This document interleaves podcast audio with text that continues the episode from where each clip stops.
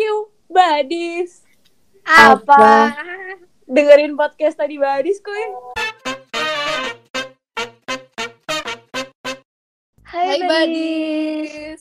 Halo semuanya. Setelah sekian lama, akhirnya kita ngeluarin podcast lagi ya sih? Kalian kangen dong pasti sama suara aku, Sasha. Tapi kali ini aku nggak ditemenin sama Fiza atau mungkin suara yang kalian biasa denger ya kayak Helen dan sebagainya. Tapi sesuai dari yang kalian denger tadi, itu tuh kan nggak satu suara doang ya, nggak aku doang. Berarti aku ditemenin sama seseorang. Tapi bedanya, bedanya, seseorang ini tuh bukan member yang biasa kalian dengar. Karena selama kita nggak ngupload podcast ya, itu tuh kita ngadain uh, open recruitment dan kita ada member baru dan aku ini saat ini ditemenin sama member baru itu namanya Ajeng. Hai Badis, halo juga Sasha. Kenalin, aku Ajeng Puspita, aku biasa dipanggil Ajeng. Jadi, aku merupakan salah satu member baru nih dari Your Study Buddy, khususnya untuk divisi podcaster. Nah, sesuai sama yang Sasha bilang tadi nih, jadi kita hari ini bakalan masuk kembali ke Your Discussion Buddy. Jadi aku sama Sasha yang bakalan nemenin kalian nih untuk membahas topik yang sekiranya tuh bakalan relate sama kehidupan kalian sehari-hari. Betul sekali. Tapi apa nih yang bisa kita relate ke sehari-harian, Ajeng? Wah, kira-kira apa ya? Jadi, kita nih bakalan ngebahas mengenai social media detox. Nah, sebelum kita lanjut nih, kalian tuh tahu gak sih kira-kira social media itu apa sih? Menurut kamu social media itu apa sih, Syah? Untuk sosial media sendiri, menurut aku ya yang pengguna sehari-hari, uh, sosial media sendiri itu kayak platform yang digunakan buat kayak ya kita nyebarin opini dan sebagainya. Kayak contohnya tuh Twitter, Instagram, kalau misalkan buat platform ngupload foto atau Tumblr buat yang make, yang modelannya kayak blog ya. Atau mungkin juga hmm, masih banyak lainnya sih kayak Facebook gitu. Cuman aku nggak pakai Facebook sih gitu. Iya, jadi social media itu banyak banget ya, Syah, macamnya. Ya, contohnya kayak yang biasa kita pakai tuh Instagram, terus juga WhatsApp, dan juga lain. Nah, sebelumnya nih, aku bakalan ngasih tahu ke kalian dulu nih, kira-kira dampak positif apa aja sih yang ditimbulkan dari sosial media. Jadi, yang pertama tuh ada memudahkan kita untuk berinteraksi sama orang lain. Terus juga, sosial media tuh dapat membantu kita untuk memperluas pergaulan nih. Lalu, sosial media tuh jadi memudahkan kita buat kayak misalkan kita jauh dari teman kita, walaupun jaraknya jauh tuh bukan menjadi halangan kita nih buat saling berinteraksi dan juga berkomunikasi. Dan dengan adanya sosial media ini, kita juga jadi lebih cepat nih buat mendapatkan informasi-informasi baru seperti itu.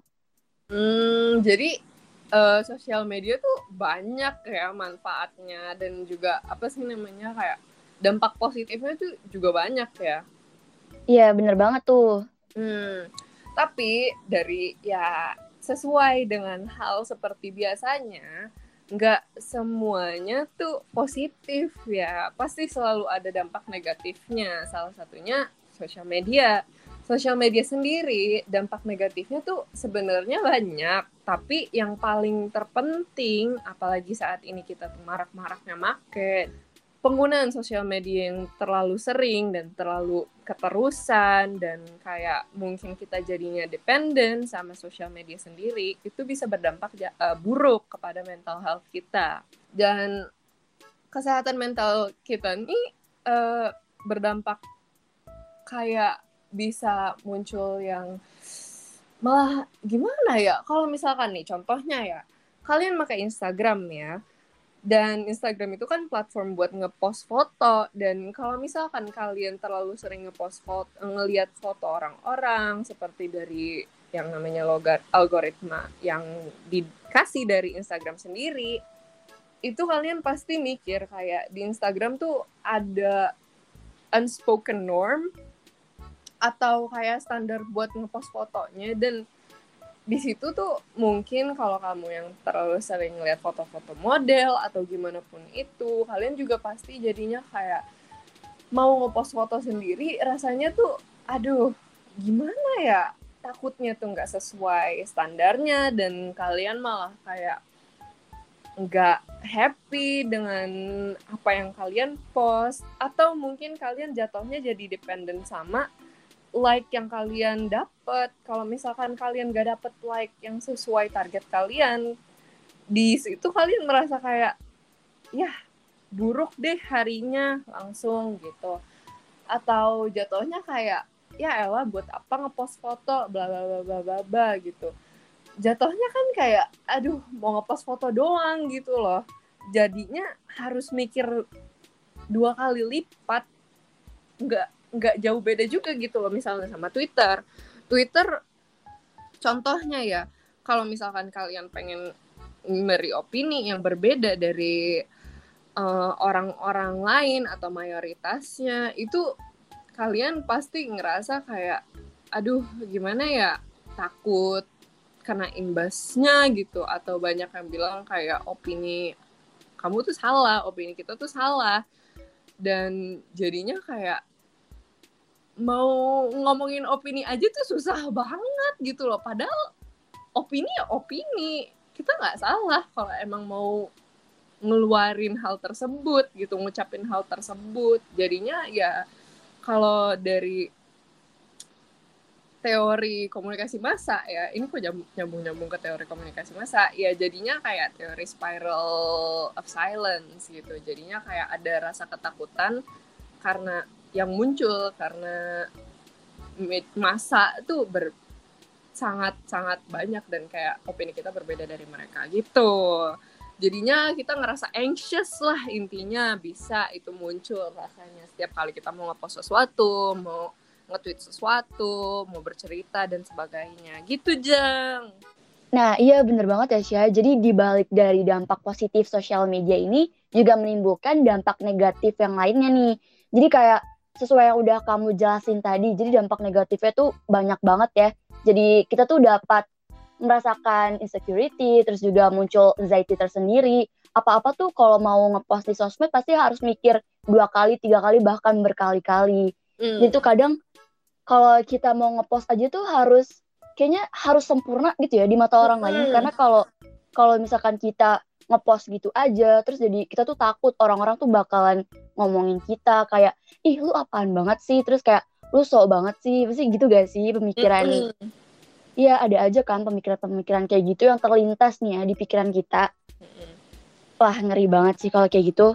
Nah sesuai sama topik kita hari ini nih kita bakalan ngebahas mengenai social media detox. Jadi kita bisa nih Badis menerapkan menerapkan social media detox ini di kehidupan kita sehari-hari supaya anxiety dan juga insecurity ini tidak tidak menyerang kita nih. Ya.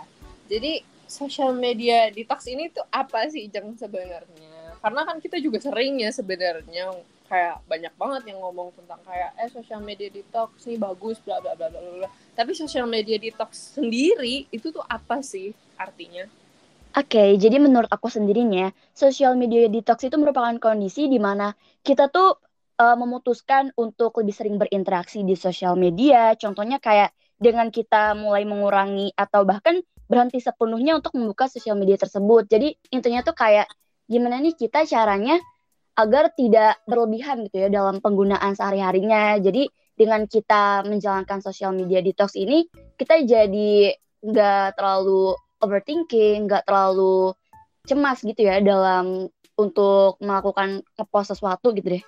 Berarti emang kita tuh bener-bener kayak take a break lah ya istilahnya kayak istirahat sebentar dari pakai sosial media sampai mungkin kita ngerasa kayak oke okay, kita udah siap lagi nggak buka sosial media lagi gitu. Iya, jadi dengan kita melaksanakan sosial media detox ini tuh bakal ngebantu kita banget nih biar kita tuh nggak memiliki kecemasan tersendiri untuk melakukan uh, aktivitas di sosial media kayak gitu.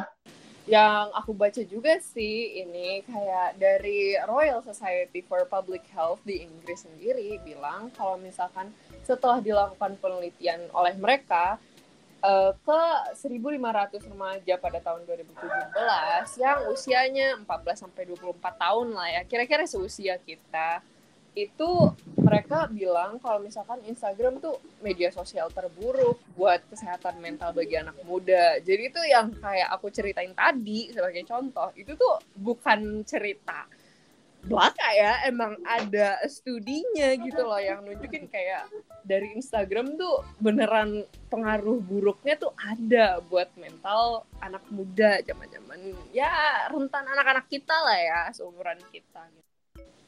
Nah, iya bener banget sama yang udah Sasha jelasin tadi. Nah, sebelumnya aku bakalan jelasin dulu nih, kira-kira detox dalam Instagram itu seperti apa sih? Jadi nih ya, menurut aku, detox Instagram itu adalah fenomena di mana orang tuh merasa penggunaan media sosial tersebut menjadi negatif bagi dirinya sendiri, baik secara fisik maupun mental. Nah, penggunaannya ini merasa lebih tidak produktif, atau merasa narsis, atau minder, dan lainnya.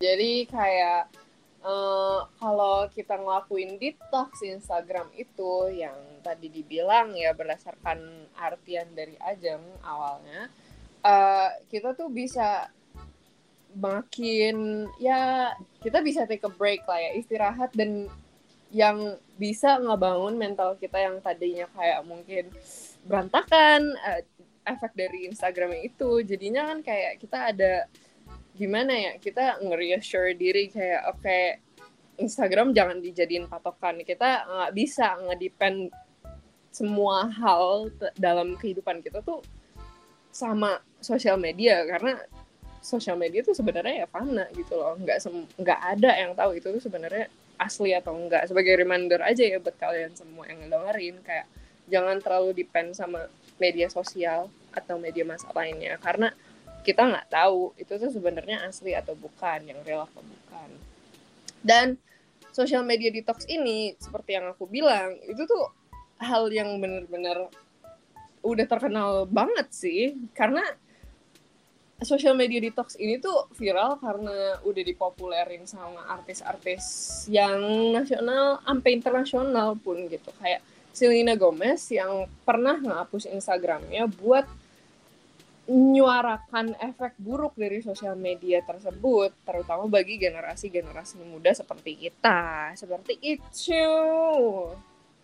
Oke, berdasarkan kayak sosial media tersebut gitu, kayak perkenalan barusan, um, ini tuh sebenarnya ada tanda-tandanya gitu, di mana kalian tuh butuh sosial media di detox. Ada lima sih pointernya, apa aja tuh jeng? Kalau bisa disebutkan.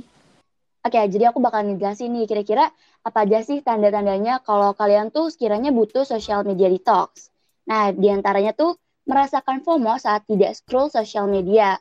Lalu yang kedua tuh ada selalu menyempatkan diri membuka sosial media di tengah kesibukan pekerjaan.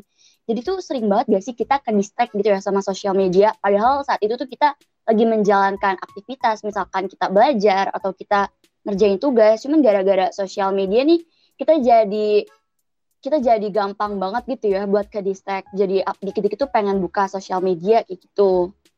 Lalu selanjutnya tuh membandingkan kehidupan diri kita dengan kehidupan orang lain di sosial media.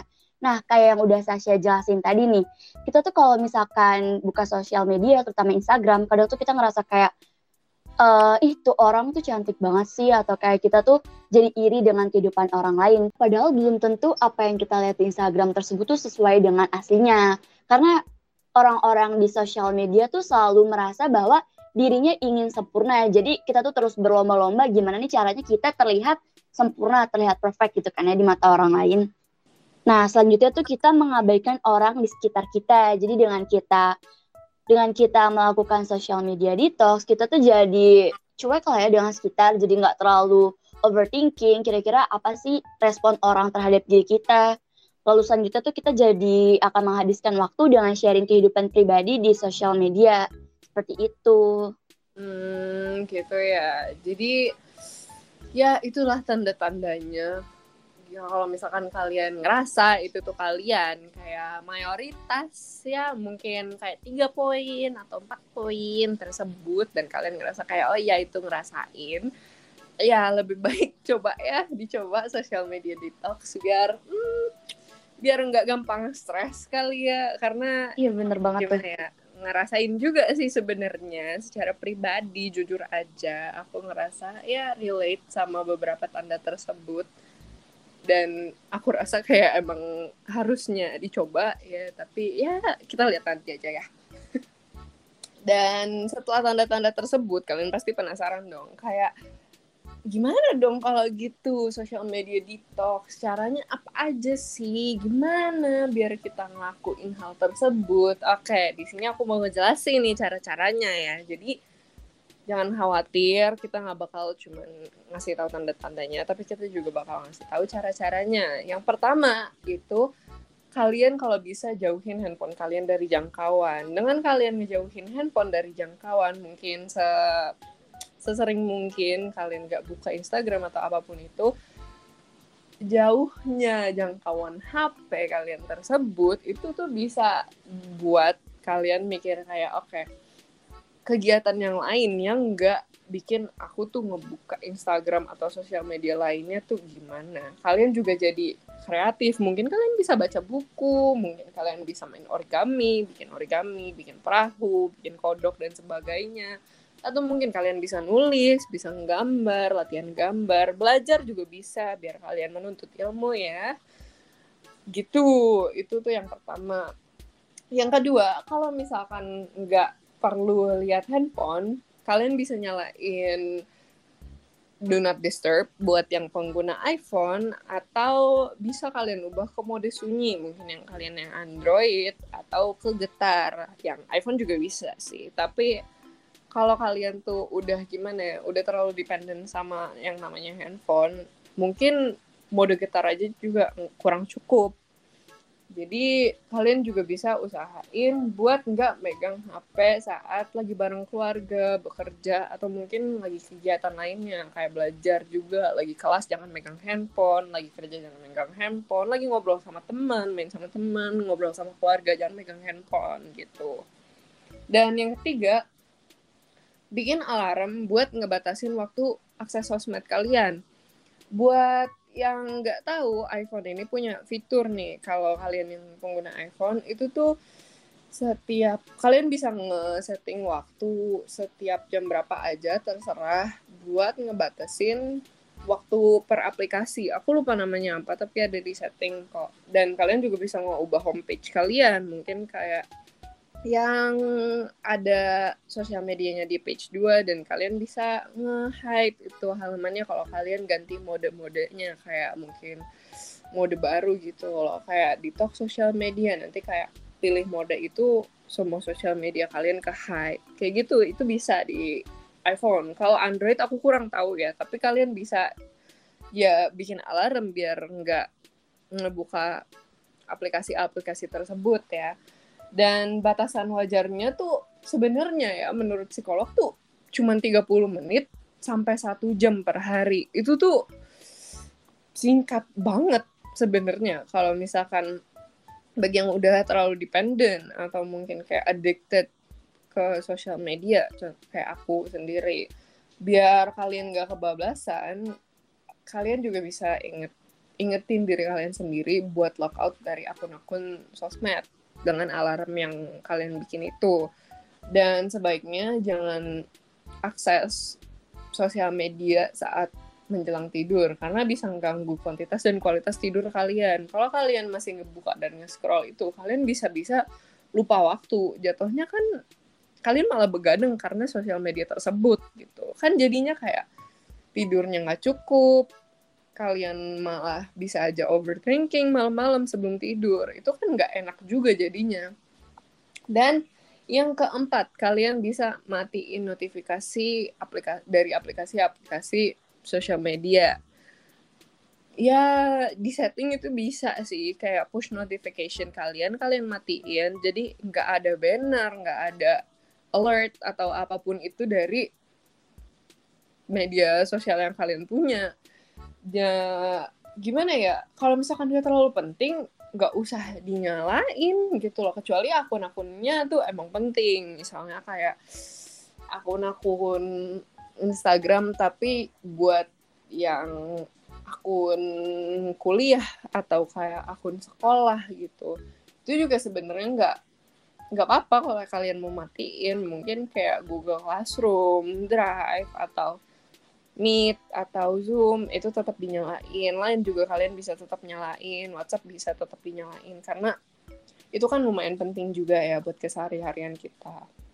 Setelah itu, kalian kan udah dari tadi ngedengerin kayak sosial media detox tuh emang bagus bla bla bla bla bla. Tapi apa sih manfaat sosial media detox sendiri ini? Kalian kan belum dijelasin kayak dibikin poin-poinnya kita belum ngejelasin mau nyebutin juga. Ajeng gimana? Apa manfaat sosial media detox ini sebenarnya? Nah, sebelum kita masuk nih ya, kira-kira manfaat sosial media detox itu apa aja? Sesuai sama yang Sasha udah jelasin tadi nih. Tadi kan Sasha udah sempat mention kalau ada suatu fitur gitu kan ya di iPhone. Itu nama fiturnya tadi kalau nggak salah uh, yang buat ngebatasin penggunaan kita dalam bermain sosial media gitu kan ya, Iya. Yeah. Nah, aku juga ada rekomendasi nih buat Android user atau enggak buat iPhone juga ada sih. Itu nama aplikasinya adalah Flip. Sebenarnya ini aplikasi buat mengetahui seberapa lama kita belajar ya. Cuman bisa bisa kita gunain juga nih buat nge kayak ngeblok gitu sosial media atau aplikasi-aplikasi lainnya yang ada di handphone kita.